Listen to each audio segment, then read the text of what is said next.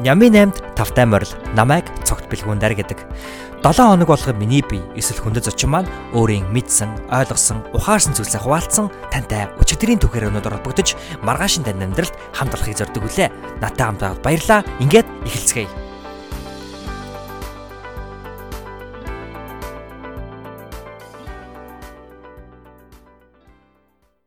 Сайн бацгаана сонсогчдоо энхүү Сэхэдэн төслийн хүрээнд бэлтгэн хүргэдэг Нямын 8 подкастын маань 40-р дугаарыг эхлэхэд бэлэн боллоо. Энэ удаагийн дугаарыг маань хүндэж очин хинбэ гэхээр Батбэлэг огтой Маргад Эрдэн түүнийг би сүүлийн 15 жилийн турш мэдэх надтай нөхөрлж буй миний анд найз байгаа. Тэрээр олон улсын зэрэгтэй спортын оюун ухааны спорт болох шатрын тамирчин ба тэрээр нийт 20 гаруй олон улсын хийгээд үндэсний хэмжээний тэмцээнүүдээс шагнал медаль хүртэж байсан олон улсад ерөнхийдөө бол ахиж яваа юм гайхалтай тамирчин байгаа гэж хэлж болно. За тэгээ маргад бит хоёрын хувьд энэ 7 хоногт ямар ямар сэдвүүдийг хөндөж та бүхэнтэйгээ ярилцсан байгаа вэ гэхээр эмнэлгийн тасагт хагас жил эмчлүүлээд хэвтэхтэй ойлгосон ухаарал буюу амьдралд түүний бичсэн загтлыг хэдүүлээ хамтдаа сонсох юм байгаа. За мөн үүнээс бид нар юуг сурах вэ гэхээр амьдралыг өөрөөр буюу өөдрөгөөр харах тухай эргэн тойрондоо бүх зүйлсийг илүү ихээр хайрлах таашах тухай.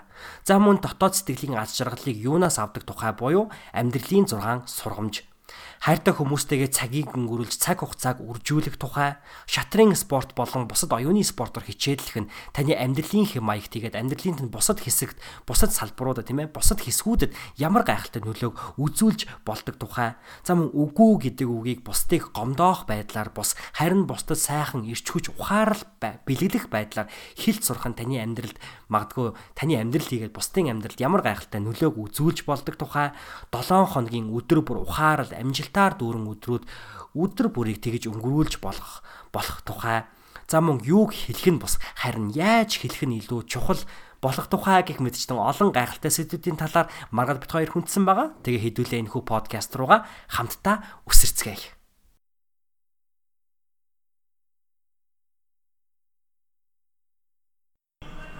За энэ хүү манай Нямин подкастын маань 40 дахь дугаар Монгол улсын нийслэл Улаанбаатар хотоос хурж байна. Тэгээ надтай яг өнөөдөр миний хажууд зэрэгцээд сууж байгаа хүн бол хамгийн анх надтай 2010 2003 онд 9 сарын 1-нд танилцж байсан Батгэлэг огтой маргад ирд ингээд миний одоо хамгийн удаан баг найзалж байгаа найз маань надтай хам сууж байна. Тэгээ найзтайгаа ярилцгаж байгаадаа туйлын их баяртай. Энэ өдрийн мэнд маргадаа сайн байна уу?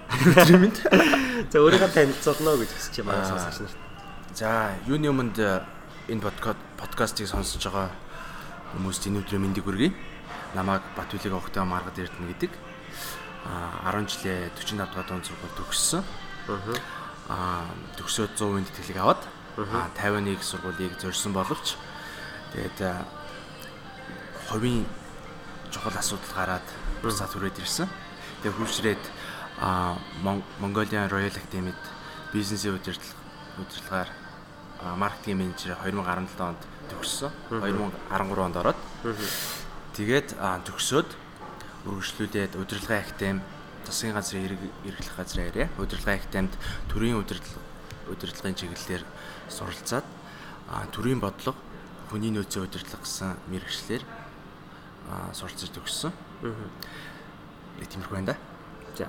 А ер нь чөлөө цагаараа бол ер нь шатар тоглох дуртай. Тэгээд хүнтэй ярилцах дуртай. Юм уу? Нэг чи имэтиг ер нь бол ярилцах дуртай. Чөлөө цагаар найзтайгаа гоц ярилцах дуртай юм байна.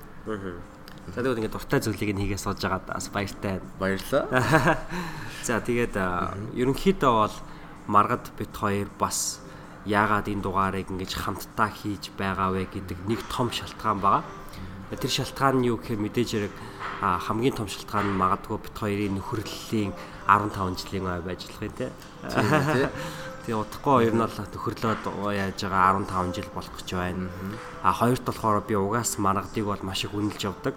Миний мэд хамгийн цайлган сэтгэлтэй хамгийн өөрийнхөөрөө хамгийн одоо итгэж найдаж найдахад хамгийн их одоо итгэл хүлээд хүлээлгсээр ирсэн хүн бол яхаа гомаргад.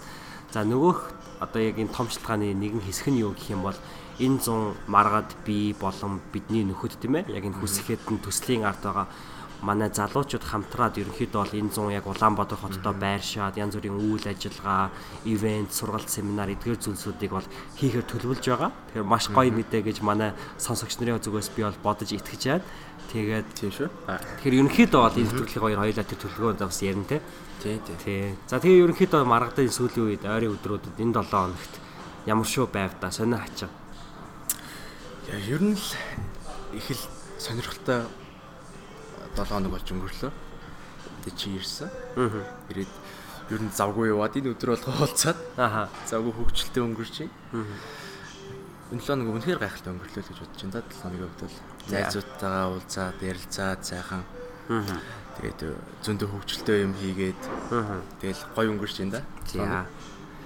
Өнгөрсөн одоо 39 болон 38 дахь дугаарууд маань аа манай сонсогч нар мэдж байгаа арай жоохон ондоо явчихсан. Яг Нями 8-ийн одоо яг өөрийнх нь яг үндсэн санаанаас те ягаад гэхээр 38 дахь дугаар дээр би Америк нэгдсэн улсын Сан Хосе хотод байж таарад онгоцны буудлын дээрээс хийж исэн 39 дахь дугаар маань бас хүндэт зочин ороо тусгай дугаар гэж яваад манай ээж болохоор илүү одоо өргөн сэдвээр ярилцсан тийм Нями 8 гэдэг ерөнхий сэдвтэй биш ням гарагт онцлог амьдралын 8 зүйлийг онцлсон гэх юм. А энэ 7 хоногт эргээд бид яг энэ хүн Нями 8 гэдэг төсөл төслийнхаа яг нэг санаа руугаа буцаад орж байгаа учраас би бол маш догдолтой ягаад чи яг ингэж ярилцаагүй маш удсан санагдаад тийм учраас хоёулаа шууд ер нь бол асуудлуудаа орох уу За тэгээ. За. За энэ 7 хоногт тийм ээ өнгөрсөн 7 хоногт хамгийн их талархаж байгаа ер нь хамгийн их талархав дурсамжтай үйл явдал юу байсан бэ? дурсамжтай талархаж байгаа. Ер нь юуны төрөнд энэ 7 хоног бол үнэхээр гайхамшигтай талархал төрүүлсэн тийм 7 хоног болж өнгөрлөө гэж бодож байна. Ер нь бол би өдөр өдөр бүрийг ер нь бэлэг гэж хүлээж авдаг. Өдөр бүр бол бэлэг яг амьд байгаа нь бол яг бэлэг амьсгалж байгаа нь бол яг гайхалтай бэлэг гэж ер нь би боддог. Яагаад тэгж боддог болсон шалтгаанаа нэг ярьж байгаа. Болдгоо. Нэг би энэ 2015 онд өвдсөн юм аа. Аа. Өвдөд. Тэгээд ер нь 2015 онд яг өвдөхөөс өмнө бол яг яг хийсвэр те. Ерөөсөө ингэ өөрийгөө яг байгаа зүйлээ яг үнэлдэггүй байсан. Одоо байгаагаа яг үнэлдэггүй яг яг энгийн мөртлөө яг одоо байгаа нь энгийн мөртлөө би үнэлж чаддгүй байсан яг 2000 үеиг өвдөхөөс өмнө л. Тэгэд 2015 онд бол өвдөд яг одоо яг байгаа байгаа зүйлдээ ингээд яг хайртай болоод яг энгийн байгаа зүйлдээ яг үнэхээр ингээд энгийн өнгөрөөж байгаа тийм дуртай болоод яг хайрлаж чадсан юм уу та. Тэгээд а, би эмнэлэгт аа хагас жилийн өнгөрүүлсэн. Хүнд өвдөд. Тэгээд тэгтээ яг илүү амьдралыг илүү гоёор хардаг болсон гэхэд над нэг аим яг би би махтай үед хэцүү байсан ч гэсэн тэгээд өвдөд хэцүү байсан ч гэсэн яг яг сэтгэлийн тэгээд яг амьдралыг яг харах өнцөг мэн те яг тэр мөн үл яг яг 100 өөрчлөгдсөн гэж би боддог. Тэгээд яг эмнэлэгт байхдаа нэг юу гэдсэн юм аа нэг яг амьдрал зориулжсэн цахиагээд нэг тийм бичиж ирсэн. Яг тэрэн дээр бол яг тухайн үеийн яг мэдрэмж тэгээд яг надад яг ямар мэдрэмж төрчихсэн бэ гэдгийг яг харж болохоор уншаад хөө. Тэгэл та. За. Тэгэхээр энийг уншихаас өмнө бас хагас жил имлэгт хөвцсөн гэдэг бол одоо манай Ямин 8 подкаст өөрөө гараад хагас жил гаруй хугацаа өнгөрч байгаа тийм. Тэгэхээр би ингээ эргээ харахаар хагас жил гэдэг бол ингээ айхтар урт хугацаа санагддаг байхгүй. Бодод үзлээ нэг семестрийн нэг хичээлийн семестр ямар урт байдаг вэ лээ. Тэгэхээр тийм их хугацааг имлэгт өнгөрүүлсэн. Энэ хугацаанд төв одоо би болсон тэр бодол бодрлууд их сонирхол татчихэв. Сонсоход бэлэн байна. Гэтэ хагас жилдээ урт хугацаа юм шиг санагдаж байгаа бол эмнэлэгт бол амар хурдан өнгөрдөн шүү дээ. Тийм үү. Өглөө эрт тусаад нөгөө нэг өглөөнийхөө сүдэ будаа гэдэл. Тэгэл өдөр нэг махан мэддэг байхгүй. Тэгэл өдөр өнгөрөөл тэгэл унтах цаг болчихдээ. Тэгэл яг энэгээр явбал яг хүн яг ганцаараа хараа яг илүү их юм боддсон юм шиг санагддаг. Эмнэлэгт бол яг амар юм ухаарсан гэж хэлж байгаа. За гэлхөө. За. За. Амьдрал зориулж бичсэн цахиа гэж байна. Чамд талархсан, чамаар бүтээгдэж өдийг хүрсэн миний биеийн цагтлыг хүчил суун. Амьд байх нь энэ дэлхий дээр байх нь цаашлаад амьсгалж амьсгалах нь цаанаа л нэг ондоо юм. Үүнээс авч байгаа мэдрэмж өдийг өртөл болсон надад тохиолдсон үйл явдал бүхэн гайхалтай юм. Энэ мэдрэмжүүдийг юугаарч илэрхийлгээргүй нанди юм. Анх гутлаа үтхийг заалгасан тэр мэдрэмж, олон жил уулзаагүй байсан гэр бүл ах дүүстэйгээ уулзах тэр мэдрэмж, ухаан орсноос хойш харсан цас бороо, цэцэрлэг рүүгээ явдаг байсан тэр зам, зааж сургаж, зэмлэж зөвлөж байсан багш нар ойр тойронд хүрээлж байгаа байгаль нарсаар өдөр бүр зөрж өнгөрдөг танихгүй хүмүүс хагалгаанаас гарч ирчээд нүдэ нээж ухаан орох тэр мэдрэмж. Хайрт найзаагаа өөд болсныг сонсоод хүлээж авсан тэр мэдрэмж дурлаас авдаг тэр мэдрэмж өөрийгөө хөгжүүлэх тэр мэдрэмж Монголоо хөгжүүлэх тэр хүсэл эрмэлзэл ухаан орсноос хойш болсон бүх үйл явдал харсан бүх зүйл танилцсан бүх хүмүүс үлдсэн бүх дурсамж сурсан бүх мэдлэг үнэхээр гайхалтай юм. Тийм ээ би одоо амьсгалж байна. Би амьд байна энэ мэдрэмж үнэхээр гайхалтай юм гэдэг. Яг тухайн үед надыг төржсэн яг мэдрэмжүүд дээрээ яг битсэн юм л та. Аа. Стогой шүлэг байна. Аа шүлэг биш цагцлаа. Тий. Аа би зөв энийг сонсож байгаад юу надад хамгийн түрүүнд юу бодогдсон гэхээр чи одоо ингээ энтгэгд очиод заяо. Хэрвээ ингээд лам болох юм бол чиний магадгүй хамгийн анхны багш 10 настай багш байж болдог. Тэгэхэд Жей Шэти гэдэг нэг лам байсан залуу хамгийн анх энтгэгд очиод хийдээр очсон, сүмдэр очсон чинь 10 настай багш ингээ хичээл зааж ирсэн. Тэгээ нөгөө хүүхдтэй чи очиод 20 гарсан залуу те очиод чи юу зааж байгаа юм бэ гэсэн чи амьдралын хамгийн чухал хичээлийг зааж байна гэд. Тэр нь юу юм бэ гэсэн чи амьсгал сурах гэд. Зөв амьсгал сурах гэд те. Тэгээ яагаад өнөөдөр хүн зөв амьсгал сурах хэрэгтэй юм бэ гэсэн чи хүнднийг зөвч явж исэн, бурууч явж исэн, жаргаж явж исэн, зовж явж исэн те ганц л зүйл дагдаг нь чиний амьсгал гэ те Тэгэхээр яг чиний одоо энэ бичсэн загтал бол надад яг тэр амьсгалын үнцэн нээс ахуулаад одоо бүр тэр найзуудтайгаа гэр бүлтэйгээ олон жилийн дараа уулзах мэдрэмж тэр цас бороог харсан мэдрэмж те танихгүй хүмүүстэй зөрөөд өнгөрөх мэдрэмж энэ бүгдийг таашаах бас мэдрэмж өгч гой загтлаа. За энийг бичиж явах та чамд өөрт чинь яг ямар мэдрэмж өөр төрж исэн бэ? Надад яг яг энийг хүчиж яхад бол нилээл их бодогдсон доо юу. Яг ингээд өөрийнхөө яг яг дотор яг ойлгосон юм аа юу гэсэн яг өмнө нь бол яг би шалт яг өөр өөрөөр хардаг байсан байхгүй энэ Норвег ертөнц ертөнцийн амжилтыг аим өөрөөр хардаг байсан. Тэгэд яг яг эмнэлэг төвсний дараа бол яг яг бүхэл юм яг ойлгож байгаа юм чинь. Тэгэл хүн яг яг яг энгийн юмыг яг хажуутайгаа яг энгийн энгийн мөртлөө яг сайхан юмнуудыг анзаардаг юм шиг санагддаг санагдсан. Тэгээд яг эмдэг твсний дараа бол зөндөө юм бодож байгаа юм чи. Янз бүрийн л бодлоо ирсэн дээ. Тэгэл яг яг хагалгаанд яг орчихсон байхгүй юу? Аха.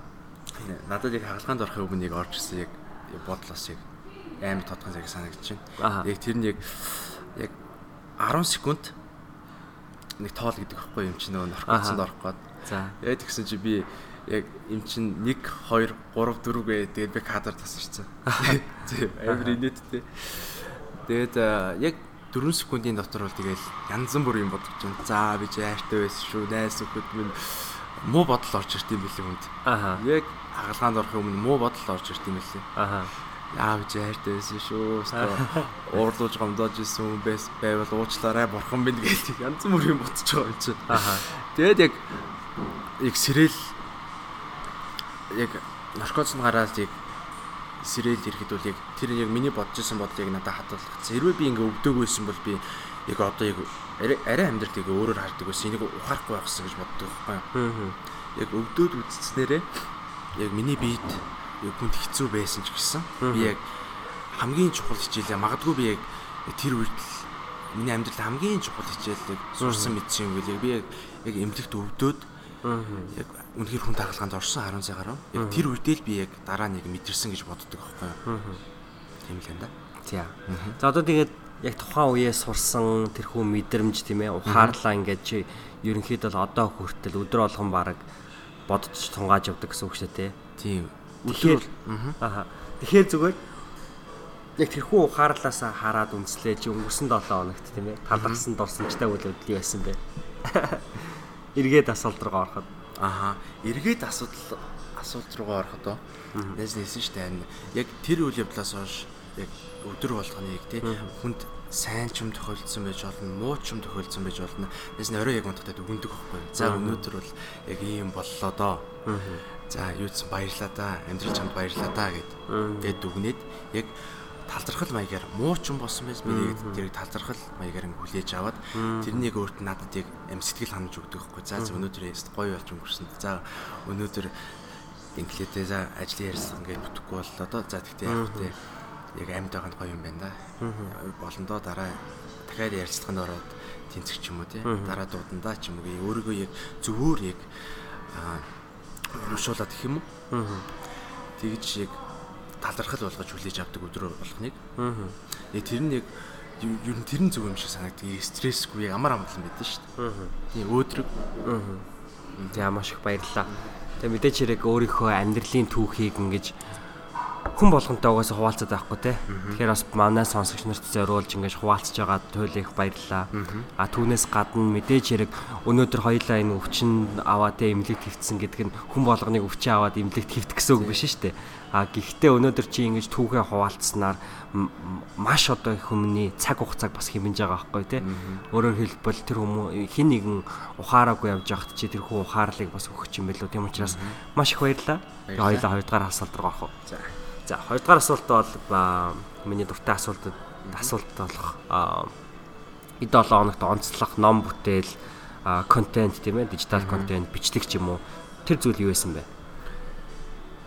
Ном контент бичлэг гэж юу? Медиа артикл. Би юу нэ бизнесийн удирдлагаар төгссөн, маркетинг менежер төгссөн гэж дурдсан шүү дээ тийм. Мэдэн шүү дээ. Тэгээд нөгөө нэг бизнесийн ном амар унших сонирхолтой. Бизнес маркетингийн тийм ном практикийн тийм зөвлөгөө өгсөн бизнесийн тийм ном унших аим сонирхолтой.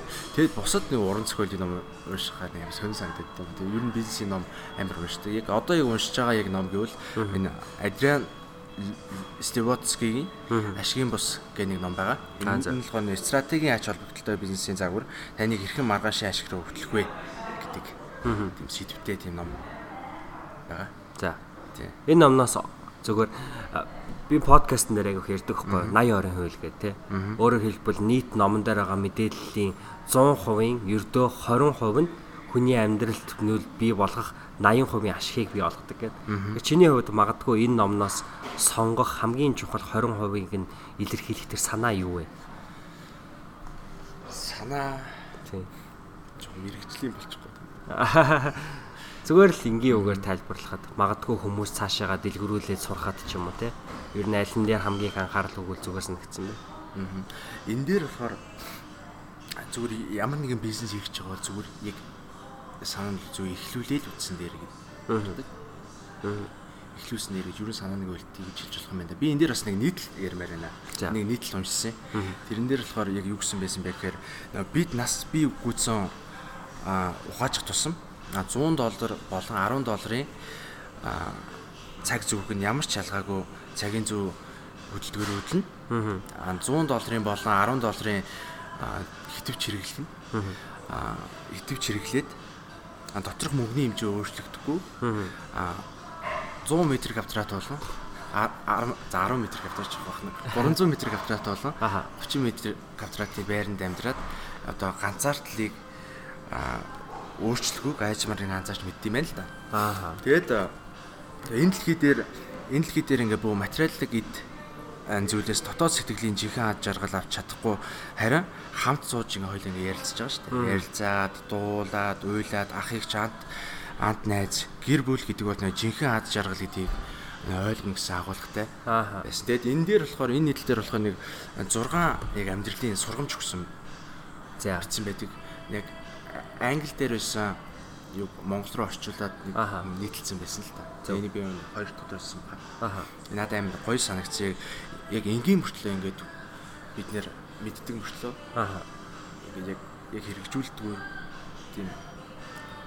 Хэрэгжүүлдэггүй тийм шиг санагцсан. Энэ л нэг хүүхдтэй хэрхэн баян болоход бас хэрхэн аз жаргалтай байхаа сургаж байгаа. Тэгээд ирээдүйд тэд альва зүйлийн үнийг үн цэнийг нь шууд үзэх болно гэдэг ээлүүдүүд тийм байгаа шүү дээ бид ааха аа чин гоё шээ хоолыг имлууга өртөхгүй бол имийг хоол мэд идэх хэрэг гарна чамд чин сэтгэлээс айртай хүн хизээч чамаг орхихгүй нь чамаг орхих 100 шалтгаан байхад тэрээр орхихгүй байх нэг шалтгаан олж харсан байдаг гэхэд энэ дээр хүний юу нь яг сайн талыг нь төрүүлж харах хэрэгтэй. Тэгвэл ямар уйлмаар гоё сонсогдож байна. Нэрээ. Тэгээд хичнээн ингээд муу хүн байсан гэсэн хүнд ямарваа нэг мэдээ сайн тал угаасаа байдэн шүү дээ. Тэрийг харах хэрэгтэй. Тэгээд хүн хүн байх хоёрт асар том ялгаа бий. Та төрөктөө бусдаар хайрлагдаж өгөхтэй ч юм уу хайрлагдах болно. Харин энэ хоёрын хооронд хэрэгээ та өөрөө шийдэх ёстой гэдэг. Аха. Энэ бас надад амар таалагдсан. Аха. Тэгээ хэрвээ та хурдан явахыг хүсвэл ганцаараа алах харин хол явахыг хүсвэл хамтдаа алах гэд бидний мэддэг л үг байгаа зү тий. Аха. Энэ дээр бас би яг уншиж байхдаа нэг юм амар ойлгосон байхгүй юу. Аа. Яг залуус ер нь залуус бид нарт амжлах сэтгэлгээтэй биш. Ингээ би би нэгэ бодсон, бусдыгаа бодсон яг тийм сэтгэлтэй үйлийг сэтгэлгээтэй үйлийг илүү хийх юм шиг яг илүү хийж чадах юм шиг юм бодогддог байхгүй юу. Аа. Тэгэд одоо төр засаг, төр засаг засгаа харахгүй ш өөрсдөө бид нар баялгаа бүтээгээд өөрсдөө баялгаа бүтээгээд өөрсдөө нэгдээд хийвлийг зөв бүтэхгүй юм яг байхгүй юм шиг санагддаг. Монголчуудын нэгдэж чадвал яг үнэхээр залуучууд бөөндөө нэгдээд шинийг эрэлтгийлээд яг төр засаг харахгүй ш өөрсдөө баялгаа бүтээгээд явуулыг илүү юм шиг санагддаг надад. Яг хоёул нэг ярьжсэн да тийм. Нөгөө нэг сар болгон 2000 төгрөг. Ягаад? Хоригдлуулад тэгээд яг жилд гэхэд бол хангалттай бүтээн байгуулалт хийгээд яг Монголдод залуучууд дутагдсан залуучууд өгш хүүхдүүдэд дутагдсан те өгшчүүд хүүхдүүд дутагдсан тийм газар гой бүтээн байгуулалтыг хийж болохоор гээд яг сартаа 2000 төгрөг цуглуулад яг жилийн доторх 24 мянган төгрөг болно нэг үнэс сарын 2000 шүү дээ те тэгээд аа яг монголчуудын 3-ны 1 нэгэд ярил л да. Нэг сая хүн яачхад бол нэг жилд яг 24 тэрбум болж байгаа байхгүй. Энийг тэгээд яг ямар хэрхэн яг цуглуулаад зөв PR хийгээд хэрхэн залуустыг үргээд яг цуглуулах вэ гэдг нь л одоо чухал энэ бол хий гэж болно бодож байсан юм байна. Нэгдээд явбал яг бүтээн байгуулалт өөрсдөө бидний баялгаа бүтээвэл илүү өргөжтэй юм шиг санагддаг. Санагдчихээн. Зөв зөв. Тэгэхээр ерөнхийдөө бол би маргатын түрүүн хэлсэн санаанд дээр ганц юм хэлмээр санагдаж байна. Тэр нь болохоор чи биднэрт ийм одоо яг амьд харилцаа гэж түрүүн хэлсэн үү те яг ингээд хамтдаа суугаад ярилцдаг ийм харилцаа өнөөдөр бид нар төтөгдөж байна гэдэг те. Тэгэхээр зөвөр энэ дээр би нөгөө нэвтрүүлгийнхаа өмнө хэлжсэн шүү дээ. Одоо энэ 100 хийх нөгөө зүйлсүүдээ нэвтрүүлгийнхаа дунд яриад явнаа гэх. Тэгэхээр энэ 100 бидний манай скетэн төслийн ард байгаа залуучуудын хувьд бас нэгэн зорилго агуулж байгаа нь юу гэхээр өөрсдөө ингээ нэг байнгын оршин суудаг, тогтнодог гэдэг юм уу те нэг юм байршилтай. А тэнцэнэ мэдээж хэрэг 7 хоногийн 7 өдөр нь бол суухгүй. А гэтээ нэг 7 өдрийн 3 өдөр ч юм уу те суугаад сонсогч та бүхэнтэй ингээ уулзаад, ярилцаа, та бүхний сэтгэлдлийг сонсоод, аль эсвэл тий үнэхээр бид нарыг тоогоод ирэх юм бол бид бүхнээс асуух. Үнэхээр бид нарыг тоогоо те биднээс зөвлөгөө авмаар юм байвал тийм ээ.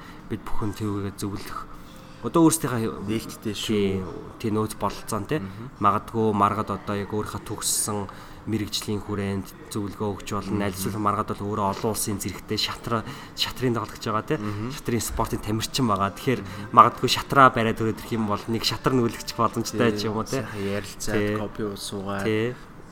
А миний хувьд болохоор манай найз охин, миний найз охин дараа бид хоёрын хувьд бас мэдээж хэрэг Америкт сурдаг учраас бас Америкт сурах талаар зөвлөгөө мэдээлэл өгөх бол өндөр сонирхолтой байдаг. Тэгэхээр магадгүй та Америкт сурахыг хүсэж байгаа бол бид хоёрыг тоогоод бид нарыг тоогоод хүрээд ирэх юм бол тэр төлөө зөвлөгөө өгөх боломжтой. Гээс энэ дээр бас нэг юм нэмээр байна. Аха.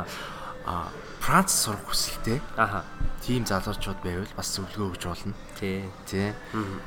За би бас өөрөө Франц юу гэж бодож байгаа. Энэ бол яваад ирсэн тий. Яваад ирсэн. Гэхдээ одоо магистртаа магистр доктороо Францд хамгаалъя гэж юу бодож байгаа. Тэгээд хэрвээ хүсвэл Франц явах сонирхолтой залуучууд байвал энэ подкастоор дамжуулаад хэлчихье. Нөгөө нэг хамт бэлдээд, хамт бие биендээ туслаад хамт хамтдаа гадаадд Францд тийм сурах нөөц болцоо тийм зөндөө байгаа шүү гэж хэлмээр байна. Харин тийм. Тэр яг эцсийн гол хэлэх гээд байгаа санаа нь юу гэхээр яг түрүүний маргадын хэлсэн амжилтлах бус бусдыг бодох юм сэтгэлгээтэй нийгмийг хамтдаа бүтээхийн төлөө.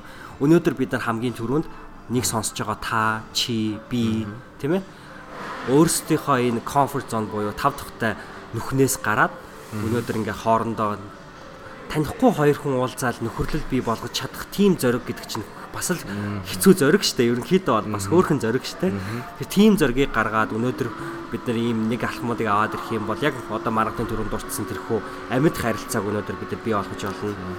Тэгэхээр яг подкаст гэдэг платформын цаанаас нэг нь ярьдаг, нэг нь сонсдог хүн биш те. Хамтдаа уулзаад ярилцдаг ийм хүмүүс болохын төлөө энэ зуныг бол зориулах юм баам шүү гэдгийг бас яг энэ асуултын үеэр бас хэлмээс нэгдэж байна. Тэгээд бит хоёрын хувьд болохоор яг одоо 11 дэх ороод аа кофе шоп сууж байгаа. Тийм учраас жоохон дуу чимээтэй байгаа учраас хөлцөл өчөө гэж бас хэлмээр байна. За ингээ хоёул 3 дахь асуулт руу орох. За тэгээ. За 3 дахь асуулт болохоор аа энэ 7 хоног хоногоос хамгийн их таашаа сэтгэлийн таашаал тийм ээ кайф авсан зүйл юу байсан? Сэтгэлийн таашаал кайф уу? Ер нь ер нь би имитиг байдаг. Аха. Имитиг байдаг тэгээд Манай эмээ амар янзын эмээ байдаг. янзын имэ Cool байдаг. Кул имэ байдаг. Тэгээд а, олон жил имитиг байгаа. Тэгээд а, ер нь бидний аав ээж имэ ер нь хөшөрж байгаа шүү дээ тий. Тэгээд одоо ер нь цагийг имитиг яг өнгөрөөхийг амар их хүсдэг. Хичээдэг. Гэхдээ ер нь тэр болгон имэдэ цаг зориулж чаддгүй. Тэрэндээ амар гутардаг. Хаяада бодож гутардаг. Тэгээд а, хоёр дахьд энэ 7 хоногийн хоёр дахьд Өнгөрсөн өнгөрсөн 7 хоногийн хоёр дахьд а имэтиг хамт гамбир хийж идэд. Аа за. хамт гамбир хийж идэд тэгээд ер нь 7 хоногт бол имэдэ цаг гаргаж чаддаг байхгүй юу? Би одоо нөгөө нэг сарын өмнө ажилласаа гарсан. А нэг Big Choice гэх компани менежер оюутан багтай менежер идэг байсан тэгээд а менежерээс ахаад гүйцэтгэх захирал хүртэл тодалдааны компани гүйцэтгэх гүйцэтгэх захирал хүртэл ажилласан тэгээд сарын өмнө. CEO маргаад Тэгээд сарын өмнө ажилласаа гарсан. Тэгээд а, ер нь ажилласаа гарсан гэсэн нөгөө нэг имид ер нь цаг ажил ажилдаа байхдаа гэсэн цаг гаргаж чаддгүйсэн. Ажилласаа гарсан гэсэн нэг цаг гаргаж чаддгүйсэн юм ээ. Тэгээд энэ хоёр дахь болохоор өнгөрсөн хоёр дахь болохоор нөгөө имидгээ сайхан гамбир хийж идээд нэг өдрийн гоё өнгөрөөсөн. Тэр тэрнээс л хамгийн их сэтгэлийн таашаал Ааха. авсан гэж хэлж болох үү. Нэг өдрийн гэсэн имидгээ өнгөрөөгөөд гоё өнгөрөөсөн. Тэрнээс их сэтгэлийн таашаал авсан гэж хэлэх үү те.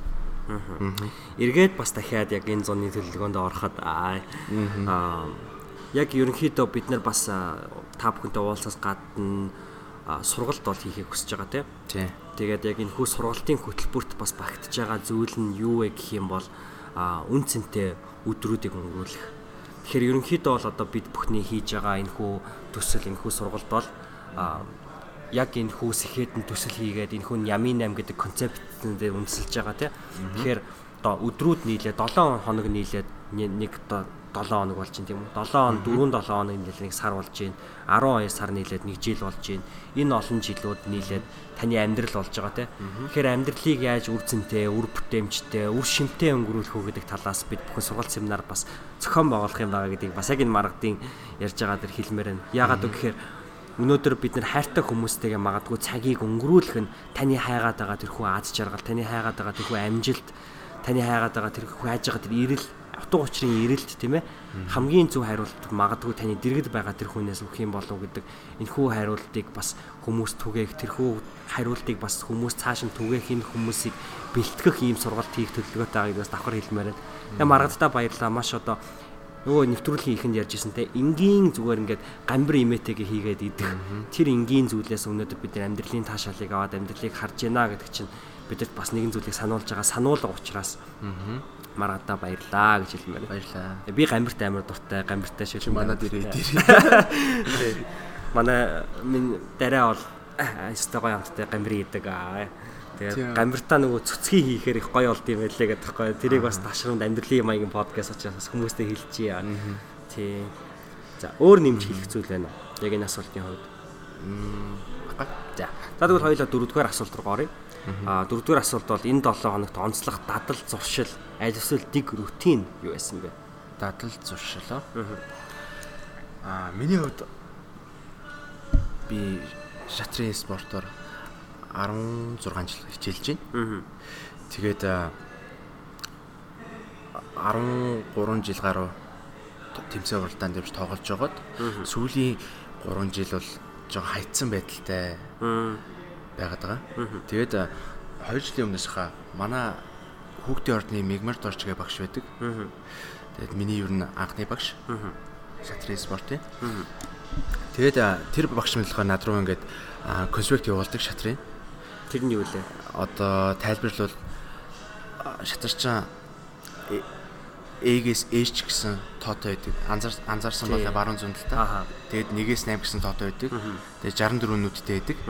Тэгээд Тэгээ шатарчид чинь баг нүдэн анж байгаа тэрийг хилээд Аа. тоглоод байдаг гэсэн. тий тэр бас бас нэг төрлийн юу л дээ нөгөө нэг би яг формтой ахтаа бол тэгж тоглолдог байсан. Манай нэг бас нэг найз байдаг даваа очрог нэг найз. Бүт хоёр даваа очроо урнаа гэдэг одоо Канадад байгаа. Бас сайн мундаг хоёр шатарчин байгаа. Аа. Яг одоо ингээд э, баг амьдралынхаа туршид ингээд шатар тоглож байгаа. Яг шатарт амьдралаа зориулсан мундаг залуу байдаг даваа очрог гэдэг. Тэгээд э, тэр багтаа бол яг харахгүй яг формтой үед бол яг харахгүй нүдэн анжаа тоглолдог байсан. Бүт хоёр бүсгээ. Чи одоо ингээд за одоо маргаад тэдэш тийш нүүчлээ. Одоо нөгөөтг нь тэдэс тийш нүүчлээ. Хэр чи тэрийг байнга чэйжлээл тэрийгээс бодоол Тийм, тэгээд тэн дээр байхгүй шийдвэр гаргана үстэй тий. Тийм. Одоо шилбэл би би цагаан өнгө байлаа. Манай нээж 10 өнгө байлаа гэхэд би Е дөрүгээд нүүхэд бол яг ноёнгийнхаа уртлын бүх хоёр төлөж байгаа сте тий. Аа. Е дөрүгээ би Гэхдээ хэлчих. би мэдэхгүй л дээ би шатар тоглодоггүй. Е дөрүгээд би хэлчихтэй. Ноёнгийнхаа уртлын хоёр үг ингээд төлөвчөө нүдэн анцсан байгаа шүү дээ харахгүй. Өргөө юу харахгүй байгаа шүү дээ. Е дөрүгээ хэлчихлээ. Тэгээ манай нээж одоо Моро F6 гээд тоогоороо яваад байгаа байхгүй. Ааха. Моро F6 юм уу Е5 гээд Аха. зөрүүлээ ноёнгийнхаа уртлын үг хоёр төлөвлөгдөг ч юм уу Аа, тий. яа, яа. Бут хоёр ингээд яг тоглоод дуусгадаг байсан. Яг формтой үедээ бол. Тэгээд тоглохоо болоод яг 3 жил болж байгаа гэж нэсэлсэн шүү дээ формг байгаад. Тэгээ багш манай багш болохоор нэг 2 жилийн өмнө над руу нэг консерт явуулсан. Одоо ингээд чи сэргийгээч шатраа. Аа, за. Тэгээ шатраараа чи яваач гэд явуулаад тэгээд би а ер нь 7 хоног болгоо. Ер нь 7 хоногтой ер нь 2 удаа яг өөртөө өөрөг нүдэх байхгүй юу? Тэр нь бас яг хоёлаа ярьсан ингээд яг өөрөө өөртөө жоох сонь сонсогдож шиж магадгүй ингээд сонсож байгаа хүмүүст. Гэхдээ яг өөрөө өөртөөгөө яг ингэж яг шатар гараатай гараа болгоны ихний 13 нь 13-аас 15 нүүдэл ингээд тогтцсон нүүдлүүд байдаг. Тэгээд яг өөрөө өөртөө ингээд нүгэл явна гэсэн. үг. Аха. Тэгээд 7 хоногт энэ л гоо надад яадаг вэ гэхээр амар стрессгүй ингээд хулждсан шүү дээ. Би яг хулжсан ингээд нойр хулжсан дээрс унтахгүй байгаа үед би тэгчдэг байхгүй юу. Тэг хүн яг хүн хүнийх ондоо байдаг. Зарим хүмүүс ингээд нойр нүрэхгүй болохоор ном уншихаар ингээд нойр нүрдэг тий. Минийх болохоор би яг өөрөө өөртөө тоглоод Ааха. зуршил олгоцсон. Аха. Тэгээд э, тэгэхээр миний нойр хүрээд яг илүү ингээ амар гүн амарт юм шиг санагддаг 50 амар амар амардаг байхгүй. Тэгэхээр яг хүн яг энэгүүрээ яг юу хэлэх гээд байна гэхээр яг яг хүн болгон бол өөр штэ. Тэгээд өөрийн гэсэн яг дадал зуршил тийм олоод яг хийгээсэй л гэж хэлэх гээд байна л да. Ер бол өөрийнхөө амьдралын маягийг урлаарай тийм, гэдэг. урлаарай гэж хэлэх байна. Миний хувьд бол яг шатар өөрөө өөртөө яг нүүх Аха. тийм байдаг. Шатар өөрөө өөртөө нүүх гэхээр нэг ийм бодол төрж юм л. Би нэг жоохон бахта тийж тоглож үзчихсэн санагдаад байна. Тэгээ би ингээд одоо нэгдүгээр бэлгүүний хоёрдугаар бэлгүүнийгээ хоёр хүн байна те. Аха. Заримдаа ингээд нэгдүгээр бэлгүүнийхээ талд илүү ороод хоёрдугаар бэлгүүнийгээ хожигдуулах гад те.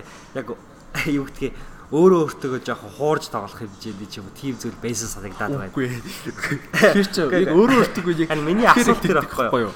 Чи яг ингээд өөрөө өөртөө тоглохоор шатраас одоо сурж байгаа амьдралын хамгийн том одоо хичээлж гэдэг юм те. Магадгүй өөрөө өөртөө үнэн байх.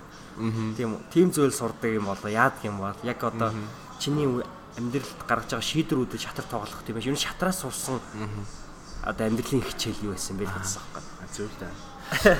Яг яг чиний хэсэг үнэн бохгүй юу? Аа. Ман чи гэхдээ бүр жоохондоо л яг тэгж тоглодог байсан. Харин жоохон яг өөрийгөө яг тий яг өөрийгөө хуураад Аа. за за энэ талаас нь цагааныг хожуулж ий та. Нөгөө талаас нь харыг хожуулж ий та гэх. Гэтэ яг өөртөө яг өөртөө өрг тавина гэдэг нь болохоор манай гараатай байдаг гэж хэлсэн шүү дээ шатар. Гараатай байдаг гэж хэлсэн. Тэгээд аа, бэлдсэн ингээд конспектууд одоо англи гараа ч юм уу Е4 сэцэлгээл гараанууд байдаг байхгүй юу? Тэгээд яг хоёр мундаг тоглогчийн тоглосон. Юу н гараг энэ яадаг хгүй. Аль хэдийн тоглоод өнгөрцсөн хүмүүс хүмүүс тоглоод өнгөрцсөн гараг би ингэ яадаг хгүй. Тэгэхгүй болохоор яг- өөртөөгөө яг ингээд өөрөө өөртөөгөө яг тоглоно гэвэл яг яг чиний шиг би яг өөрийгөө яг хуурна. Аха. Тийм. Тийм. Шатраас ингээд авсан сурамж гэсэн үү. Тэ амьдралын хичээл ч юм уу. Юу шатар тоглож сурснаа чиний амьдралд юу хамгийн авчрав?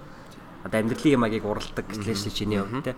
Тэрнээс гадна Миний хувьд болохоор шатар тоглосноор яг юмыг олон талаас нь хардаг болсон хүү дээ. Ер нь юмыг амар яг тунгааж бүр гүн боддог болсон. Энэ болохоор надад болохоор бас нэг талаар амар хэцүү санагддаг байхгүй юу? Яг юмыг арай л гүн бодоод тэгээд нэг сонирхлаас нь ингээд нэг олон талаас сонирхлаас нь ингээд бодоод идэг. Тэгээд юмыг ингэж олон талаас нь эрслийг тооцдог гэсэн үг шүү. Эрслийг тооцдогоос гадна ингээд өөрийгөө амар зовоочдөг байхгүй юу? Аа. Яг гүн бодоод зүгээр яг энгийн ингээд яг өнгөцгөн бодоод өнгөрөх оронд би юмыг гүн бодоод идэг. Тэгээд энэ л болохоор бас нэг талаараа амар сонь байдаг гэхүү те. Тэгээ нөгөө талаараа болохоор яг эрсдэл гаргахгүй. Яг юмыг яг шийдвэр одоо шийдвэр гаргалт нь шүү дээ. Шийдвэр гаргалт гаргалтын дээр бол яг шатар бол би яг илүү зөвөр юм да. Илүү зөвөр шийдвэр гаргадаг. Яг олон талаас нь харж яг зөв шийдвэрийг гайжиж барьж авдаг болсон гэх юм уу да. Зөв зөв. Миний хувьд би бас хэлжсэн тэ өчтөр тогтчоо чи нөгөө нэг оюун ухааны тоглоом яриад байгаа учраас би бас ярмаар санагдаад байна л да. Аха. Ер нь бол сүүлийн үед унтахаас өмнө дандаа тетрис тоглодог болоод байгаа. Аа. Яг өнгөрсөн 3 шөнө бол яг дараалж яг 10 минут л тетрис тоглосон. Аа. Тэгээд одоо зүгээр яг ингээ өнгөрсөн 3 шөнийн ерөнхийдөө бол мэдрэмжийг харахад бол би одоо Монголд ирээд нэг 10 гаруй хонжин тий. Тэр Америк Монгол хоёрын цагийн зөрүү бол яг 100% ондоо шүү дээ. Яг ингээд флип хийцэн те. Одоо өнөөдөр Монголд өдөр олж явахад Америкч нь болж идэг. Тэгэхээр нөгөө цагийн зөрүү бол айхтар хурц гэх юм уу? А тэгсэн мөртлөө ер нь бол би айгүй сайн унтаад байгаа. Магадгүй тедрээс холбоотой шин магадгүй. Гэтэ ерөнхийдөө бол судлаачид юг олж нийлсэн бэ гэхээр яг унтахаасаа өмнө одоо маргадын тоглож байгаа мэдээж хэрэг тедрес ч юм уу шатар ч юм уу эдгээр зүйлүүд бол амьдралын жинхэнэ асуудлуудыг агуулаагүй те бид нар ингээ санаа зовоол асуудлуудыг агуулаагүй а гэхдээ асуудал шийдэх асуудлууд байна тийм үү Тэгэхээр иймэрхүү асуудлуудыг ингээд унтахаасаа өмнө шийдээд ингэж тоглоом тоглохоор хүний тарих унтсан ч гэсэндээ үргэлжлүүлж нөгөө нэг шийдлүүдийг гарцуудыг хайгаад идэг гэнэ л дээ. Тэрний эргээгээд хүнийг маш одоо гүн унталтанд оруулдаг буюу таныг маш сайн унтаж амруулахад тусалдаг гэдэг гэж байгаа. Тэр энэ судалгаагаар батлагдсан зүйл гэсэн. Тэгэхээр магадгүй та хэрвээ гар утсан дээрээ ч юм уу эсвэл зүгээр нөгөө тедрисгээ тоглоом байдаг шүү дээ. Дэлгүр зардаг. Тэрийг худалдаж аваад ч юм уу гар утсан дээр тоглож байгаа бол гар утсныхаа гэрлийг хамгийн багасгаад шөнийх нь модыг нь асаагаад те ингээд нэг тетрис 10 минут тоглоход бол унтахад тусалдаг гэж хэлээ шүү. Тэгээд би бол өөрөө жоохон унтахад ингээд жоохон асуудалтай айгүйх бол чамтай адилхан ихэн бодох гээд байдаг. Тэр нь бол тетрис надад тэгж туслаад байгаа. Аа мент нь бол өөрөө өөртөө өрөг тавих чамд болохоор тетрис. Тий. Тий. Нэг тийм хөвгчлээ. Өстой гоё мэдээлэл. Аха. Тий. За дараагийн асуулт руу авах уу? За тэгээ. За тав дахь асуулт маань хэн хамгийн их нөлөөг мөн хэрхэн үзүүлсэн бэ? Энэ 7 хоногт. Энэ 7 хоногт уу? За энэ 7 хоногт бол би нэг ажлын ярилцлага өгсөн гэж хэлсэн шүү дээ. Яг тэрэндээ нэг нүгөө хэлэхэд үзэг аа сонсогчтой хэлэхэд бол би яг дөрөв дэх удаа очиж байгаа байхгүй юу? Очсон тий. Тий, очсон. Намаа ингээд яриг хичээд яриад ярьсаар гад бүр дөрвөн удаа би ингээд ярилцаад очиж уулзсан. Гэхдээ надад би бол ресторанд ажиллахыг амар одоо сонирхоод байгаа. Нь ер нь ресторануудад ярьцлага очиж өгöd байгаа. Тэр нь болохоор бас ирээдүйн одоо wine дэлгүүр тэгээ ресторант ингээм хамт комплекс маяг ингээд орсон тийм байгуул гэж боддог байхгүй тийм болохоор үйлчлэгээний байгууллагууд дээр рестораны соёлд амар суралцсан сонирхолтой. Тэгэд би тэр газар нэрэн лээд явах тий. Тэр газар очиж ер нь бол Монголын нэлээд томоохон Одоо рестораны соёлыг хөгжүүлж байгаа компани гэсэн үг шүү дээ. Хөгжүүлж байгаа компани гэж хэлж болно. Тэгээд тэр хүний нөөцөгчийн яг хэлсэн нэг санаа нь бол надад амар их зөвөр хэлэхтэй. Тэр надад амар таалагдсан. Нэг нөлөө үзүүлсэн тэр өдрийг ингээд нэг хэрвээ тэгж хэлээгүй байсан бол би нэг жоохон утран маягтай ч юм уу тийм нэг жоохон тийм байх байсан. Яг гоёор хэлсэн л да. Би тэр өдрийг бол үнэхээр гоё сэтгэл хангалуун өнгөрөөж чадсан. Тэр нь юу гэсэн бэ гэж Тэгэхээр яг надад бол татгалцсан татгалцсан маяг юм яриадсан байхгүй юу? Гэхдээ тэр ихч бол надад дөрөв дөрөв удаа дуудчаад татгалцсан маяг юм хэлсэн. Тэгэхээр надад аим гоёор надад хэлсэн. Нэг юу гэсэн бэ гэхээр одоо би маркетинг менежер орох гэсэн байхгүй юу? Тэгээд яг маркетингийн ухаанаар нэг чинь яриа ч юм тэгээд хүн одоо Монголын хувьд бол одоо худалдаа авалт хийхэд бол өөрөө очиод өөрөө тэр газраа худалдаа хийж байгаа газраа очиод бүтээгдэхүүн өөрөө судлаад тим сэтгэлгээтэй байдаг. Өөрөө очиод аваад хүнээс ч асуухгүй те энэ хідвэ энэ хідвэ гэдэг тэгээ маркетинг хийх шаардлагагүй өөрөө очиод авчдаг. Харин чи болохоор яг тэр хүмүүстэй тулаад тулаад харьцаа заавал ингээд а ахуулахын тулд юм уу тайлбарлаа тий. Тайлбарлаад яг team сэтгэлгээд арай чи өөр яг одоо одоо байгаа яг монголчуудын сэтгэлгээгээс чи арай өөр тулгаад байна гэд тиймэрхүү ухааны юм ярьсан байхгүй юу? Тулгаад яг арай тэр хэрэглэгчтэй байгаа. Тэгээ бүр тотн байх гад байна гэ. Би уусаа тэр хүний нисгчтэй бол амар тотн ярьсан. Бараг аа ихч дүү шигээ те. Миний их чиг би ингээ амар тотн ярилцсан. Тэгээд магадгүй тэрч тотн ярилцсан болохоор тэрч тэгж хийсэн байж магадгүй. Тэгээ надад тэр нь угаасаа татгалцсан хариу юм ярьсан. Гэхдээ яг тэр их чи надад яг зөвөр эргүүлээ гоё надад гоё нөлөө үзүүлж байгаа хэвчээ тий. Нэг гоё сайхан хэрвээ ингээд за үгүй ээ. Хаста уучлаарай манайх орон тоо нэгэ болцсон. Хаста уучлаарай. Гэт 3 4 удаа удаа дуудаад яцсан бол уучлаач ч юм уу тий. Ингээд тэгсэн бол 3 4 удаа дуудчихад одоо ингээд авахгүй байхтай яах вэ ч юм уу тий. Юм олон удаа ярилцлага авчаад одоо ингэж хүлээж намайг хүлээж авахгүй тэгээд байхтай яах вэ ч юм уу нэг бас юм бодол төрөнд. Тэгээ тэр их ч надад тэгж хэлэхэд нь бол арай ингээд өөрөө сэтгэсэн арай өөрөө сэтгэж арай гоёор над төрсөн бохгүй хэлчихэж байгаа үг. Тэр нь ингээд тэр өдрөө нэг аим гоё сэтгэл хангалуун гоё мэдрэмж төрүүлсэн гэхүү те. Би өөрөө магтуулаад нь штэ тэр үнээр. Тэгээд үгүй гэж хэлсэн ч гэсэн намайг гоё магтаад гоё гоё гоёор ингэж хэлээд тэгсэн миний made my day те. Миний өдрийг тэр өдөр тэр өдөр хөвлөж өгсөн гэх юм уу? Аа зөв зөв зөв. Магадгүй сурах хэвээр хичээл нь тэгэл хүнд үгүй гэж хэлж байгаа бол те. Бас зөвөр ер нь үгүй гэж хэл хэрэгтэй байна. Тэр гоёор тэр сэтгэл гоёор төрүүлэхээр тэгж хийсэн надад илүү нэг гоё сэтгэл үгүй гэсэн ч гэсэн надад илүү нэг гоё илүү гоё мэдрэмж төрөөд байгаа байхгүй юу? Аха. Зөв зөв. За тэгвэл яг эндээс хоёлаа дараагийн асуулт руу орох нь хэцүү гэж бодож байна л да. Аа чи магадгүй чи ингээ надад одоо ингээ дөрвөн удаа ярилцлаганд ороод намайг ингээ ажилд авсангүй үгүй гэж хэлсэн ингээд ингээ зүгээр хэлэх юм бол би одоо хүндлэнгийн хүн юу гэж харах вэ гэхээр оо маргад одоо failure буюу одоо амжилтын эсрэг те одоо унсан байна гэдэг юм уу те бүдэрсэн байна гэж ойлгоо штэ. Аха. За тэгвэл гэтэл чи ингээд энэ 7 хоногийг наадахаа магадгүй ингээд дөрвөн удаа ярилцлаганд орсон тэгээд ингээ өөрийнхөө бас давуу талыг ойлгож авсан гэд чи ингээ амжилт талаас нь хараад байна тий. За тэгвэл магадгүй өөр энэ 7 хоногт гаргасан амжилт ер нь бол энэ 7 хоногийн гаргаад буй амжилт юу вэ? Ер нь чиний бодлоор амжилт гэж юу юм бэ? Аа найзхан бодлоор бол амжилтыг би яг өөртөө сэтгэл хангалуун байх байгаа юм сэтгэл хангалуун байх гэж хэлэх гээд байгаа байхгүй амжилтыг. Яг амжилтаа яваа хүнийг болохоор би юу гэж харж байгаа юм бэ? Хүн хүний амжилтыг тодорхойлох тодорхойлолт нь ондоо шүү дээ. Яг би амжилтаа яваа хүн гэдгийг болохоор би ингэж харж байгаа. Яг тогтсон ажилтай сайхан гэр бүлтэй, гэр бүл нь халуун талаан уур амьсгалтай, сайхан эрүүл саруул яг тийм хүн болгоныг би амжилтаа яваа хүн гэж би ер нь харж байгаа. Тэгээ миний тодорхойлолтоор бол яг тэгж харж байгаа. Тийм болохоор ясны хэлсэн эрүүл саруул байна. Эрүүл ухаан эрүүл биетэй саруул ухаантай байна. Тийм болохоор зөндөө юм сурсан, ойлгосон гэж найсан хэлсэн шүү дээ тийм. Ингээд сая ярилцлаганд ороод ингээд татгалцсан гэсэн. Надад тэр хүн гоёор хүлээж аваад миний өдрийг хөвгөлсөн юмыг ингээ гоё гоё талаас надад ярьснаа таалагдсан гэд. Би энэ ойлгосон. Тэр зүйлийг ойлгосон. Яг энэ 7 хоногийн амжилт. Амжилт гэж хэлмээр байна. Ямиг ойлгож ухаарсан энэ 7 хоногийн амжилт. Ирүүл байгаа, саруул ухаанаар сэтж байгаа. Хоёлын ингээд өнөөдөр яриа сууж юм.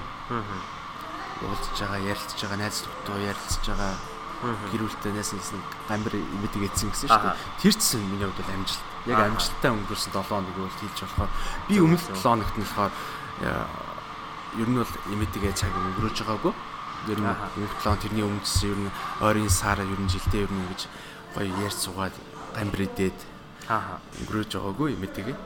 Тэгэд энэ 7 хоногт тэгсэн бол миний хувьд бас нэлийн том гаргасан амжилт гэж бодож нэмээтэйгээ цаг өнгөрүүлж чадсан. Аа. Би босод өөр зүйл ингээд сатараад идэг.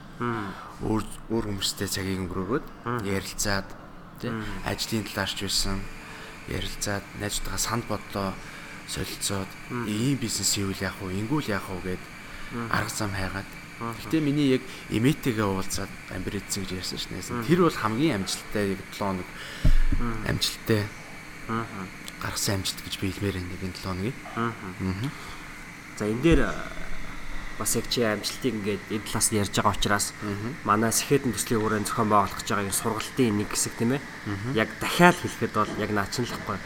Аа одоо бид яг яг сургалтын үн үн төлбөртэй тэрхүү сургалтынхаа програмыг одоо үнгүү ерөнгөө мэдээлэл ингээд өгч штэ тий. Тэрэн дээр зүгээр ингээд тэрхүү мэдээлэл нь юу вэ гэхээр тэрхүү одоо судлаачдын батлаад байгаа зүйл нь юу гэх юм бол юу өнөөдөр чи хайртай хүнтэйгээ цагийг гаргаснаар чи яг үнэндээ цаана маш их хугацааг өөртөө өржүүлж гаргаж өгч идэг. Яагаад вэ гэхээр өнөөдөр чи өглөө магадгүй их нэртэй байлаа гэж бодё те. Их нэрээ зүгээр уруул дээр нь үнсээд за миний хайр өдрийг сайхан өнгөрүүлээрэ гэж хэлэлгүйгээр чи гараад явхад тэр өдөржингөө чи ингээл жоохон стресстэй л энэ өөдхөндөө гинт санаан заваал өнөр их нэртэй тэгцэндээ гээл те. Өнөөдөр ажил дээр очиж нэг ажлын хурал дээр байхдаа чи өндөр дүүрэн бүтээмжтэй байж чадаагүй улмаас ерөөсөө ингээд ирээдүйн цагаас хомсдуулаад идэг. Гэтэл магадгүй чи өнөөдөр энэ өнгөрсөн 7 хоногт имээтэйгээ цагийг гаргаад гамбраа идээд ингээд суусан учраас тэр 7 хоног чи өөр зүйлсүүд хийхдээ тэр хүмүүстэй цагийг өнгөрүүлэхдээ илүү сэтгэл хангалуун илүү тухайн цаг мөчид сэргэлэн цаваа яг тэр цаг мөчид амьдрч чадсан те. Ингэснээр чи өөр өөрөө өөртөө цаг хугацааг ирээдүйд гаргаж өгч байгаа те. Тэгэхээр энэ нь бол чамаас харж байгаа миний хамгийн том бас яг амьдралын хичээл байгаа байхгүй чамтай өнөөдөр ярилцаа сууж байгаа. Тийм учраас маш их баярлалаа. Маш сайхан хариулт байна.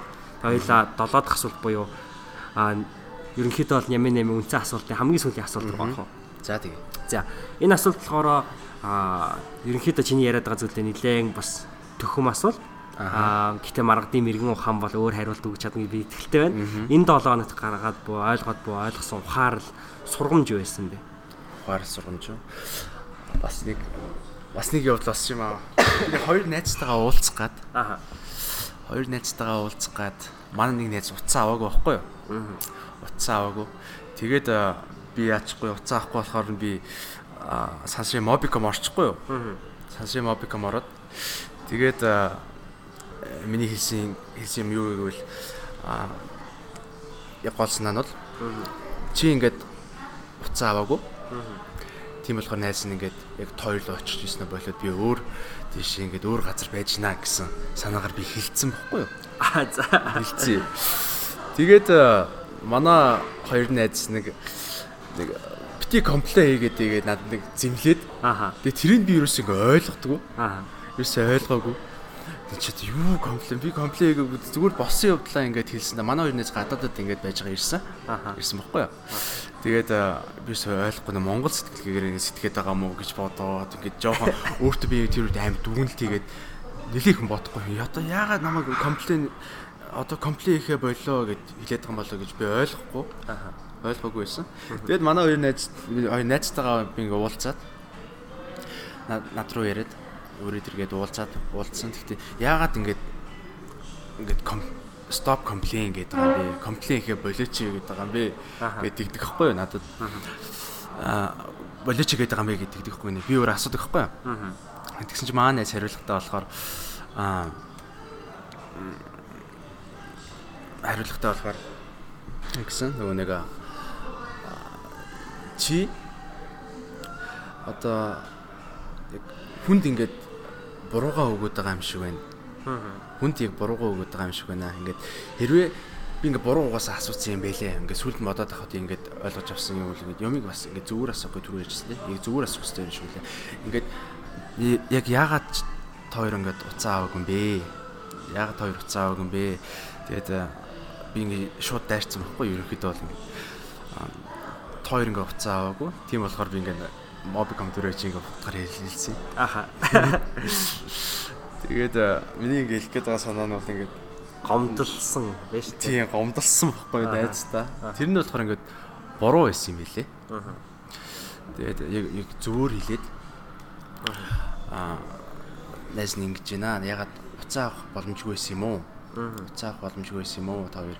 Тэгээд одоо юу хийж байна ч юм уу. Нэг тиймэрхүү маягаар асуух хэрэгтэй байсан юм лээ. Би болохоор шууд та хоёрыг уцаа өгөн бэ. Би тийм болохоор ч би тэгчлээ гэх нэг асуудал гаргаж ирсэн байгаа байхгүй юу. Тийм болохоор манай хоёр нэг найз нэг жоохон комплейн маягаар туссан байж магадгүй. Гомдлоод тийм гомдлоод ийн гэж туссан байж магадгүй.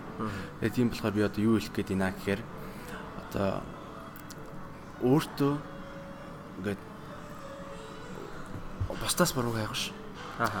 Яг өөрөө өөрөөсөө буруу хайгаад яг зүгээр яг үг хэлж байгаа юмаа яг зүгээр яриасаа. Аха. Зүгээр яриасаа гэж би. Аха. Тэм сургамж авсан юм уу. Тэр хоёр нь баг мэдж байгаа. Тэр хоёр нь би л дээ. Тэр үннийг хэлэхэд бол минь би ахгүй юу сонсогч та. Тэгээ маргад над руу залгаад чамаг уцаахгүйсэн болохоор би одоо Mobicom дээр штэ гэдэг ингээд. Гэтэ би маргадыг мэдж байгаа байхгүй юу.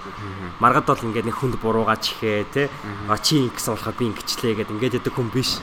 Тэгээ би зөвхөн маргадад дараа нь юу гэж хэлсэн бэ гэхээр аа бити ингээ гомдлоо да гэж хэлчээ. Тэгээ дараа нь маргад юу гэсэн үг юм бэ? Чи наатаа ингээ ойлгохгүйсэн л та. Тий наатаа ингээ яагаад намайг гомдлоод ингээ байгаа юм бэ гэх асуухт нь би болохоор угаасаа мэдчихэж байгаа шүү дээ маргадыг угаасаа гомдолдог хүн биш аа. Гэтэ чи нөгөө өгүүлбэрээ буруу одоо ингээл хилээд нэг юм уу?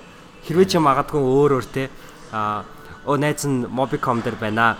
Уцаахгүй байсан. Та хоёр нэрээ юу хийж байгаа юм? те юу хийж исэн завгүй байсан юм уу ч гэдэг юм ингээд нэг тийм. Ерөнхийдөө бол бид нар ингээд хил гэдэг зүйл бол өөрөө нэг төрлийн медиум те. Би ингээ яриад байдаг те. Хил гэдэг бол өөрөө нэг төрлийн одоо хэрэглөөр бид нарыг яаж сэтгэх яаж хүнд нөлөөлөх бүх юмыг бол энэ хил өөрөө одоо орлуулж идэг. Жишээ нь магадгүй чи хэд хоёр ингээ англиар ярьсан бол нэг өөр ойлголт төрүүлнэ те. Францаар ярьсан бол ингээ нэг өөр ойлголт төрүүлнэ. Түүнтэй адилхан хилийг бид нар маш зөв хэрэглэх хэрэгтэй болоо гэж ер нь бол боддог. Аа тий. Тэгээ Монгол залуучууд бол гэхдээ яг яг хандлага нь бол яг өөртөө Ингээ хүрээлээ найзтай ингээ ажаад байхад бол яг Монгол сэтгэлгээ тийм юм шиг байгаамаа. Миний бодлоор яг ингээд уцаа авах бол чи одоо юу гээд байгаа юм бэ? Юу гээд уцаа авах юм? Би өөр тишээ явлаа шүү ч юм уу. Дараа нэг уулзнаа. Чи ингээд уулз уулз тавснаа. Ингээд нөгөөтг нь ингээд ямар нэгэн бас хөдөлгөөн шалтгаан гараад уцаа авахгүй байсан болно шүү дээ. Тэгээд чи уцаа авахгүй байсан чи би ингээд очоогүй шүү ч юм уу. Дараа нэг тиймэрхүү асуудал Монгол амьд зөндөө байдаг шүү дээ. Яг тиймэрхүү талаас нь яг найс нь ингээд ингээд дадал хийсэн гэх юм уу ингээд хүн суучтай юм шиг байна. Аха. Би чи Монголд оюутнаа одоо хоёр сургуулаа төгссөн шүү дээ. Тэгэхээр тийм суучтай юм шиг байна гэж би бодоод байгаа. Тэгээд тэгээд ер нь бодоод байхад бол яг чиний зөв л байгаа байхгүй яг юмыг зүгээр ингээд тий. Яг тэгэхээр маргадын гаргасан шийдвэр бол зөв байхгүй юу? Яг тэгэхээр мэдээж хэрэг би уцаахгүй байгаа бол тий чи юу гэх юм яг уцаараа залгсан газараа хүлээгээл намайг уцаах хүлээгээд байж болохгүй шүү дээ. Хүн гэдэг чинь өөрөө амьдралтай хийх зүйл байна, шийдэх зүйл байна. Тэгэх юм учраас тэр хүний хүлээлгүй ингээд хийх юм а хийх нь те. Аа тэр бол зөв шийдвэр аахгүй. Зүгээр яг тэр гаргасан шийдвэрээ илэрхийлэхдээ л бас амар чухал. Тэгэхээр хүн одоо юу хэлэх нь биш, яаж хэлэх нь амар чухал байгаа байхгүй те. Тэгээ би энэ дээр а миний гар утсан дээр яг энэ 7 хийсэн бас нэг юм бичлэг байгаа. Бичлэг гэдэг нь зүгээр ингээ нэг юм аудио нот. Тэгээ би тэрэн дээр юу гэж ярьсан бэ гэхээр нэг ийм санаа. Marshall McLuhan гээд 1960-аад оны одоо яг энэ хүн медиа буюу медиумын маш том төлөөлөгч. Аа интернетийг баг үүсгэхээс өмнө интернетийг зөвгөнсөн бидний 20 дугаар зууны 21 дугаар зууны залуучуудын баг зүнч гэдэг байхгүй бид нар яг медиагийн чиглэлийн хүмүүс. Тэгээ Marshall McLuhan юу гэж хэлсэн байдаг вэ гэхээр medium is the message гэж хэлсэн байдаг.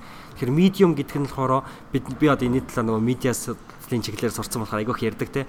Медиа гэдэг нь болохоор бид бүхний байгаа одоо энэ хэвлэл мэдээллийн хэрэгсэл гэж одоо ерөнхий утгаар нь бас ойлгож болохгүй медиа гэхээр одоо миний гарт байгаа үзэг те өнөөдөр би гартаа үзэг барьж байгаа учраас би одоо юм бичих энэ сэтлийг надад өгөөд би ингээд шийдвэр маань өөрчлөгдөөд ингээд бичнэ а магадгүй миний гар миний гаранд үзэг биш гар утас байсан бол надад тэмдэглэл хөтлөх хэрэгтэйсэн бол би гар утсан дээр тэмдэглэл хөтлөн штэ. Тэгэхээр энэ эдгээр зүйл эд зүйл болгон өөрсдийн мэдээлэл агуулж идэг нь бидний шийдвэр гаргахад нөлөөлдөг гэдэг тэгэхээр хэл гэдэг одоо тийм ээ монгол хэл англи хэл франц хэл гэдэг бол өөрөө нэг төрлийн медиа буюу медиум буюу дундад.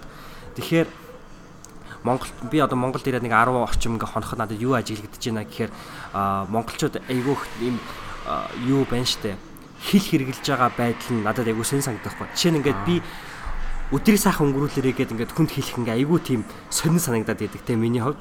Гэтэл одоо чи ингээ англи хэлээр have a nice day гэдэг юм have a good day гэж хэлэх ингээд амар амархан ингээ амнаас гарчдаг те. Тэ айгүй ингээ. А гэтэл ингээ монголоор ингээ өдрийг сайхан өнгөрүүлээрээ гэж хэлэх ингээ айгүй эвгүй санагдаад байдаг.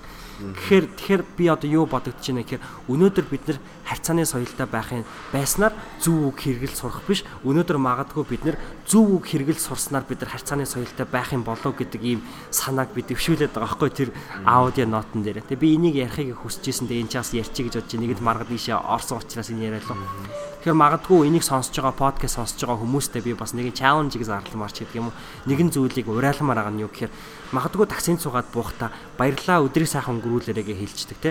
Өнөөдөр кофе шопт ороод хүнтэй кофе авахаас өмнө өө сайн өдөр сайхан өнгөрч ийн үү гэдэг юм уу. Аа ямар шүү байна да гэдэг юм уу. Тиймэрхүү бас тэр хүний өдрийг мэндийг нь асуусан те. Нэг тийм асуулт асуудждаг. Тий. Чинийсэн дээр нэг чаленж хийгээд гэж шүү дээ. Ингээд минд асуудаг гэдэг. Тэрэн дээр нөгөө нэг хэрвээ хүнд сайн юм хийсэн тус тус хүнд туслаа сайн юм хийлээ гэж бодъё. Тэр нь ингээд эргүүлээ нөгөө нэг шеэрлэгдэг. Шеэрлэгдэг. Тэрэн шиг одоо хэдүүлээ баг багаар энийг өдөр тутамдаа хэрэгжүүлээд байвал хүн болго магадгүй 5 жилийн дараа 10 жилийн дараа ч юм уу Монголын нэг соёлын хэсэг болж болно шүү дээ. Тийм соёлын хэсэг болж болно шүү дээ. Хүн болго энийг хэрэгэлдэг өдөр тутмын хэрэглэн ч гэж болно. Яг өдөр тутамдаа хэрвээ та өнөөдөр нэг хүнд одоо сайн байна уу өдрийг сайхан өнгөрүүлсэн үү ч юм уу. Тэгээ баярлаа, баяртай. Өнөөдөр ямар хөө байсан бэ ч юм уу те. Тэгж хэллээ гэж хэллээ. Тэр нь магадгүй ингээд тэр хүнд ингээд ширлэгдээд цаашаа дамжуулаад тэр хүн өөр хүнээс асууж болно шүү дээ тий. Тийм тэр хүнд мэдээж гой санаа санагдсан байж сэтгэл төрүүдээ гой санагдаж болно. Тэгээд цаашаа ширлэгдээ тэгж явахыг үүсэхгүй тий. Аа. Энд дээр нэг түүх байгаа байхгүй юу? манай ангийн чингүүн байна те. Чингүүнээ би яг өнгөрсөн 2016 онд энд ирчээд байж исэн. Тэгээ Америкт Америкаас ирээд нэг сар гаруй хугацаа болж исэн баха. Тэгсэн чинь чингүүнээтэй зөвхөн годомжин таарад найз хүнтэй хамт явж байгаа. Тэгээ чингүүнээ манай 10 жилийн найз надад тэгсэн байхгүй. За миний найзууд өдрийг 6-тай өнгөрүүлээрэ гэж хэлсэн байхгүй. Тэгээ би нөгөө нэг сар гаруй нөгөө ерөөсөө ингээд өдрийг гоё өнгөрүүлээрэ 6-тай цагийг өнгөрүүлээрэ ч гэдэг юм уу ийм үг сонсоогүй байж байгаа гинт нөгөө чингүүнээс ингээд өдөр 6-тай өнгөрүүлээрэ гэсэн тэр энгийн үгнээс би яг тэр өдрийн маш одоо аз жаргалыг авч ирсэн санагддаг байхгүй. Тэр өдөр ингээ амар гой ингээс өнгөрч исэн. Тэгэхээр ерөнхийдөө бол нэг үг одоо яаж нөлөөлж ийн гэдэг нь амар сонирхолтой. Тэгэхээр ерөнхийдөө бол өнөөдөр харьцааны соёл суралцаасаа төрүүлээд зөв үгийг зөв өгүүлбэрүүдийг хэлээ сурчих юм бол магадгүй нөлөөлөх баг. Одоо энэ эргүүлийн харьцааны соёлтой. Тий өнөөдөр бид нар автобуснаас буухдаа жолоочтой бас баярлаа гэж хэлэх ч юм уу те. Одоо Америкт байдаг соёл ахгүй. Бүр ингээд нөгөө Америк чинь ингээд урдуураад сууж болдог хойгоороо биш урдуураа суугаад хойгоороо буудаг. Тэгээ нөгөө хойгоороо буухдаа бүр хойдлын хаалганаас бууж байгаа мөртлөө хүмүүс баярлаа гэж баг ингээд орилоод буудаг ч юм уу те. Ямар сорилттой юм. Тэгээ тиймэрхүү зүйлүүдийг магадгүй ингээд Монголд өнөөдөр бид нэр яг Нями 8-ыг сонсож байгаа скейтэн төслийн манай гэр бүлийнхэн тийм ээ хамтдаа ингээд эхлүүлчих юм бол яг маргадын хэлж байгаагаар хэдэн зуун жилийн дараа зүгээр ингээд бид нар тоогтхоо болцсон те зүгээр ингээд бидний амьдралын нэг хэсэг болчихсон ийм зүйл болох юм билүү. Тийм учраас энэ зүйлийг бас урайлмаар санагдаж байна гэж. За тэгээ маш сайхан сэдв хүнцэн баярлаа. За хоёлаа ингээд сүүлийнхаа за тэгээ асуулт руу. За сүүлийн асуулт болохоор нууц асуулт байгаа тийм. Нууц асуулт гэдэг нь болохоор яг энэ зочиндоо зориулж асуудаг асуулт. Аа. Би зөвхөн маргадад энэ асуултыг ер нь асууя гэж бодож байгаа. Маргад надад айгүй их зүйлийг ингээ сануулдаг хүн гэж гэх юм уу? Аа Америкт байхад тэгээ Монголд ингээд ирж яхад өнгөрсөн жилүүдэд ирж яхад надад ингээд маргад ингэдэг байсан хэрэг. За миний найз гэр бүлтэй цагийг бас их зарцуулаа гэж хэлдэг юм. Ийм гой гой зүйл хүн болгоны хилээд байдаггүй зүйлийг маргад ингээд надад хэлдэг байсан. Тэгэхээр зөв эдгээрийг бодоод үзэхэд тэгээ бас миний өмнө байгааг энэ дэвтэр дээр маргад дээрээ бид гурийн бичсэн юу нэг тэмдэглэл хөтлөлүүд байна л та. Энэ дээр болохоор одоо энэ 7 хоногт хийх зүйлийн жагсаалт зорилго эдгээр зүйлүүд ингээд бичсэн байна энэ зуны. Би эдгээрийг хараад харж яхад маргад одоо яг энэ хоёр за зуны үйлрэл гэдэг бол Америкт яг 6 сарын 22-нд эхэлсэн гэж тооцдог. Аа. Тэгээд 6 сар, 7 сар, 8 сар гээд 8 сарын 22-нд ингээд зуны үйлрэл дуустдаг гэж үздэг байхгүй. Тэгэхээр эсвэл 9 сарын 22 юм бэл. За ямар ч хэлсэн. За ямар ч 22. Тэр ингээд зуны үйлрэлийг ингээд дуустдаг гэж үздэг. Наар ирээд буцахыг яриад байна. Тий, ерөнхийдөө бол тий. Аа Тэгэхээр маргадын хувьд энэ 100 ингээд дуусах үед тийм ээ. Энэ 100 одоо хэдэн 7 хоног бидний өмнө байна тийм үү? Тэгэхээр энэ 7 хоногуд ингээд дуусах үед яг ямар үр дүнд, ямар амжилтанд, эсвэл ямар одоо сэтгэлийн fulfillment буюу одоо юм таашаалыг мэдэрсэн те. Аа за бид нар хийх ёстой юм хийчтэй шүү гэсэн ийм мэдрэмжийг юу хийвэл юунаас авах вэ? Ер нь бол энэ зунаас чи юу хүлээж хүсэж хүлээж байна? Биднээс хийгээд яг энэ сэхэтэн гэр бүлээс. Сэхэтэн гэр бүлээс. Манай сонсогч нараас тийм. Юуны төрөнд нэг гурлаа ярьсан уулз семинар тий. Тэрнээс одоо нийгэмдээ залуучуудаа зөв нийгэмдээ залуучуудаа зөв хандлагыг бий болгож Тэгээд миний бодлоор ингээд тэрнээсээ кайф авдаг тий. Зөв уулзалт зохион байгуулаад, зөв хандлага, лекц, семинар, сургалт зохион байгуулаад тэрнээсээ яг зөв хандлагыг бий болгоо залуучуудаа.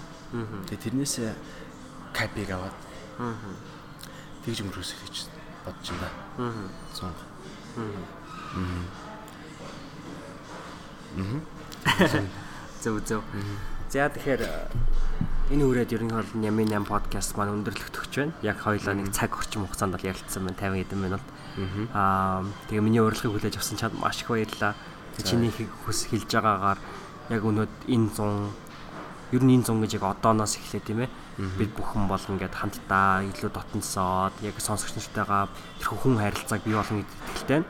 Тэгээд дашир нь сүүлд нь хэлэхэд маргад хоёр саяхан нөгөө Ямин подкастаар дамжуулсан Instagram уралдааныхаа ялагч нарыг бол тодруулчихсан байгаа тийм. Тэгээ энийг тодруулахдаа яасан бэ гэхээр нийт ирүүлсэн хүн болгоны скриншотуудыг бол би тэр дор нь авч ирсэн. Нөгөө скриншот хийгээд скриншот хийгээд стори дээр тавьж ирсэн шүү дээ маань сонссон. Тий. Тэгэхээр давхарцсан хандлтаар буюу одоо нэг хүн а 3 удаа хэрвээ стори хийсэн бол тэр хүн 3 удаа орсон чанстай байсан ч гэдэг юм уу. Тэгэхээр ингээд 69 нийт одоо одоо тэмцээнд оролцохын хүсэлт ирсэн гэх юм уу.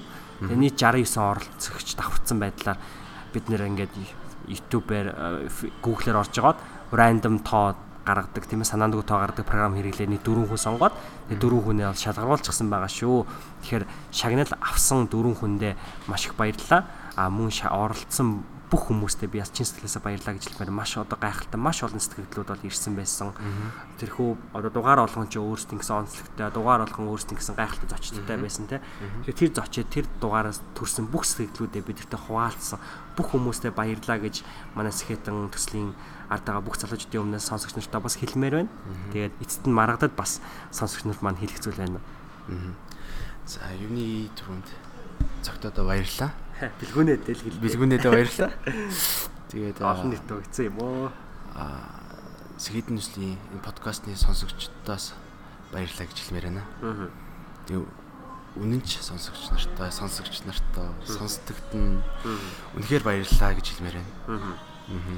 Тэгээд хэрвээ асуух, асуух, уулзаад асуух, тус юм тусалцаа тусалцаа өсөх юм байвал нээлттэй шүү. Миний хувьд миний угаас гэж хэлмээр байна. Нээлттэй шүү. Ичи санаа зовхгүйгээр хүссэн зүйлээ асууж хэрвээ тусцаа үсмээр өгөө тусцаагаа үсэж тэгэрэй гэж сонсогчдоос хүсэж байна. Тэгээд сүүлд нь хэлэх юм бол та бүхэндээ баярлалаа гэж хэлье. Өргөлж дэмждэгт. Хайртай шүү. За баярлаа. За баярлаа. Тэгээ хэдүүлээ амжилтлах бус бусдыг боддог сэтгэлгээтэй нийгмийн бүтээхин төлөө хамтдаа энэ зуны гайхалтай өнгөрөлцгөөе. Баярлаа. Баяртай.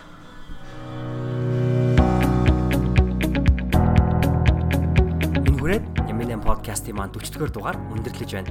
Маргадтай болон надтай хамт байсан та бүхэндээ маш их баярлалаа.